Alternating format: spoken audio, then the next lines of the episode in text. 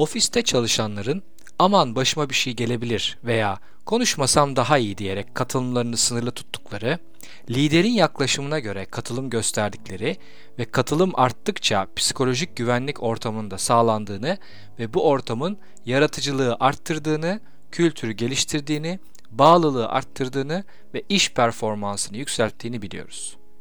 Katılımla ilgili diğer bir konu da konuşan, fikrini söyleyen, soran çalışanlara liderlerin tepkisi ve yaklaşımıdır. Bu tepki ve davranış tüm çalışanlar tarafından izlenir. Sonraki durumlar için bir referans oluşturur. Bu bölümde liderlerin katılımı ve psikolojik güvenliği teşvik edebilmek için konuşanlara yaklaşımı ile ilgili 3 püf noktası önermek istiyorum. 1. Takdir ifade etmek. Bir toplantıda güçlü fikirlerin karşısında kendi fikrini ifade eden çalışana çok teşekkür ederim.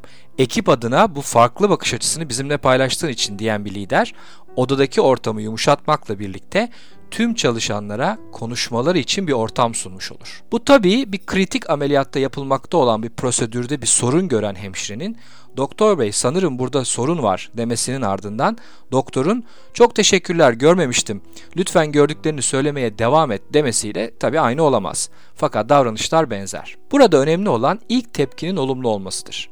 Eğer lider gelen görüşe katılmıyorsa bu ilk olumlu tepkinin ardından tabii fikrini söyleyebilir. Gerekirse çalışanın ifadesini düzeltebilir veya ona ek bilgiler verebilir. Stanford Üniversitesi'nden zihin yapısı üzerine araştırmaları bilinen Profesör Carol Dweck'in yayınlarına göre insanlar zor durumlarda çabalarına karşın ve sonuçtan bağımsız takdir edildiklerinde öğrenmeleri artıyor. İnsanlar performansları ile zekilikleri veya yeteneklerini bağladıkları zaman yeteneklerini kısıtlayabileceklerine inandıkları riskleri almama eğilimi gösteriyorlar.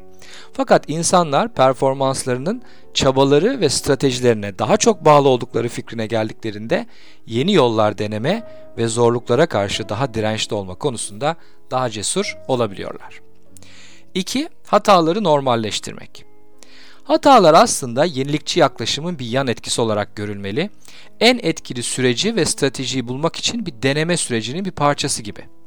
Yapılan bir araştırmada üst düzey yöneticilerin yapılan hataların sadece %1'i ile 4'ü arasındakilerin birini suçlamak için uygun olduğunu belirttikleri fakat buna karşılık yapılan hataların %80 ila 90'ında birilerinin suçlandığını söyledikleri ortaya çıkmış ekibinizde, şirketinizde hata ile yaklaşımı şöyle söyleyeceğim örnekler gibi değiştirmeye ne dersiniz? Örnek, hataya bir yaklaşımda var olan çerçeve hatalar kabul edilemez. Fakat bunu şöyle değiştirmeye ne dersiniz? Hatalar deneme yanılma yaklaşımının doğal sonuçlarıdır. Veya etkili performansla ilgili bir inanışta şu andaki çerçeve etkili performans sahipleri hata yapmaz. Bunu şöyle değiştirmeye ne dersiniz? Etkili performans sahipleri akıllı hatalarından öğrenme noktaları yaratır ve bu dersleri paylaşırlar. Veya amaçla ilgili şu andaki anlayış hatayı en aza indirmek ise bunu şöyle değiştirmek nasıl olabilir? Hızlı öğrenmeyi teşvik etmek. Hataya yaklaşım bu şekilde değişirse insanlar hatalardan öğrendiklerini daha fazla paylaşma isteği duyarlar ve buna bağlı olarak organizasyonun öğrenme ve gelişme imkanları artar. Bu şekilde hatalardan öğrenen bir organizasyon aynı hatayı tekrar yapmaz.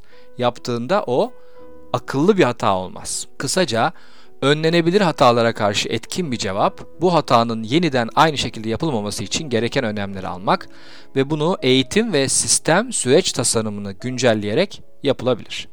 Fakat bazen önlenebilen hatalar suçlanabilecek bazı eylemlerin sonucu olabilir veya daha önceden belirlenmiş ve kararlaştırılmış prosesten tekrar tekrar uzaklaşma anlamına gelebilir. Bu ender durumlarda da çalışanlarla ilgili farklı yollar izlemek gerekebilir. Üçüncü ve son püf noktam açık ihlallerde net tavır almak. Suçlanabilen hatalardan bahsetmiştik. Bunlar tekrarlanıyorsa ve çeşitli düzeltme çabalarına karşın bir ilerleme olmuyorsa net bir tavır göstermek gerekir ve bu psikolojik güvenliği azaltmaz, tam tersine arttırır. İnsanlar düzenli olarak kendini, ekibini ve organizasyonunu risk altına sokan çalışanların hiçbir olayla karşılaşmamalarını daha da adalet bozucu olarak nitelendirebilirler.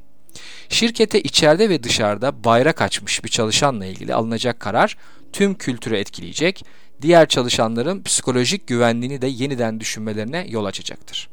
Organizasyon aldığı kararı açıklar ve şirket değerlerine bağlarsa bu güvenliğe olumlu etki yapabilir. Katılım psikolojik güvenliğin vazgeçilmez bir gerekliliğidir. Bu önerilerle arttırmanızı diliyorum.